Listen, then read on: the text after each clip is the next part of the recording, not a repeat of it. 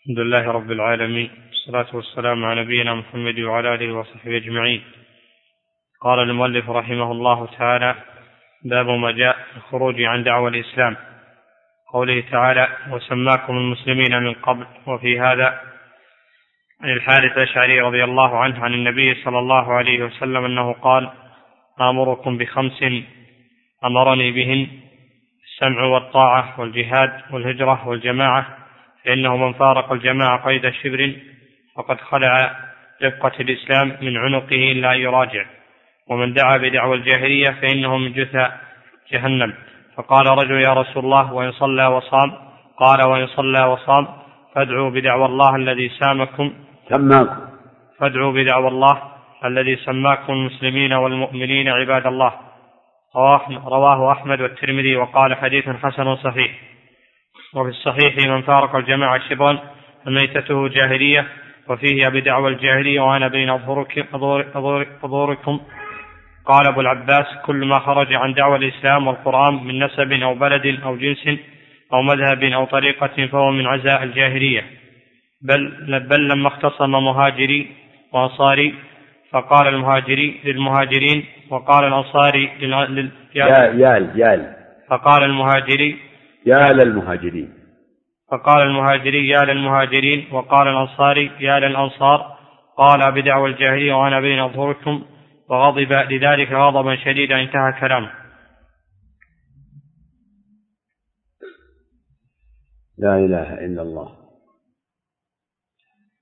المقصود من هذا الباب أن على المسلم ألا يعتز إلا باسم الإسلام.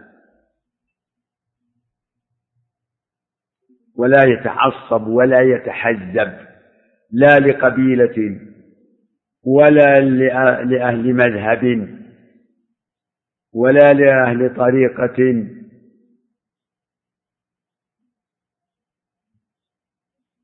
ولا لبلد.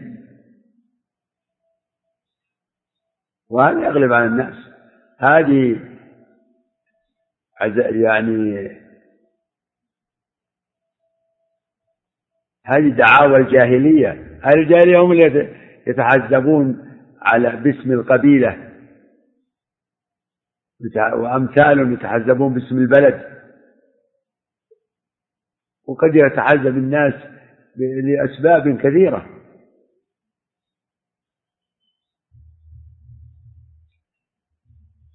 يتحزبون لصفة يشتركون فيها. ربما يتحزب أهل الصناعات بعضهم على بعض. يعني أهل مثلا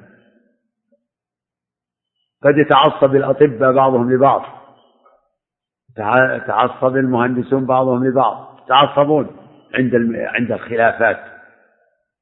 يتناصرون على هذا المبدأ على مبدأ الوصف المسترش. لا. هذه دعوة جاهلية فالإسلام هو الوصف المشترك بين المسلمين فعلى كل مسلم أن يتعامل مع إخوانه بهذا الوصف. يا مسلمون يا مسلمون.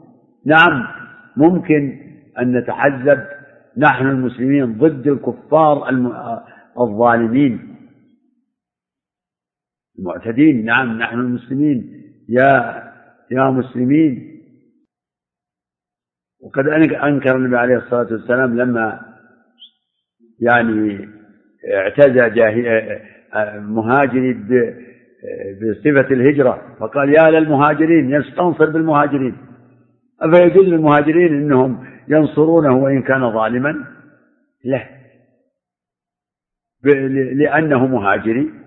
ينصرون لأنه مهاجري أو الآخرون ينصرون لأنه أنصاري.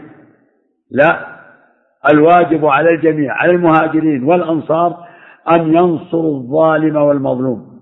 فينصر كما أمر عليه الصلاة والسلام انصر أخاك ظالما أو مظلوما. قالوا ننصره مظلوما فكيف ننصره ظالما؟ كيف أنصره ظالما؟ قال تعجيزه الظلم والله أعلم.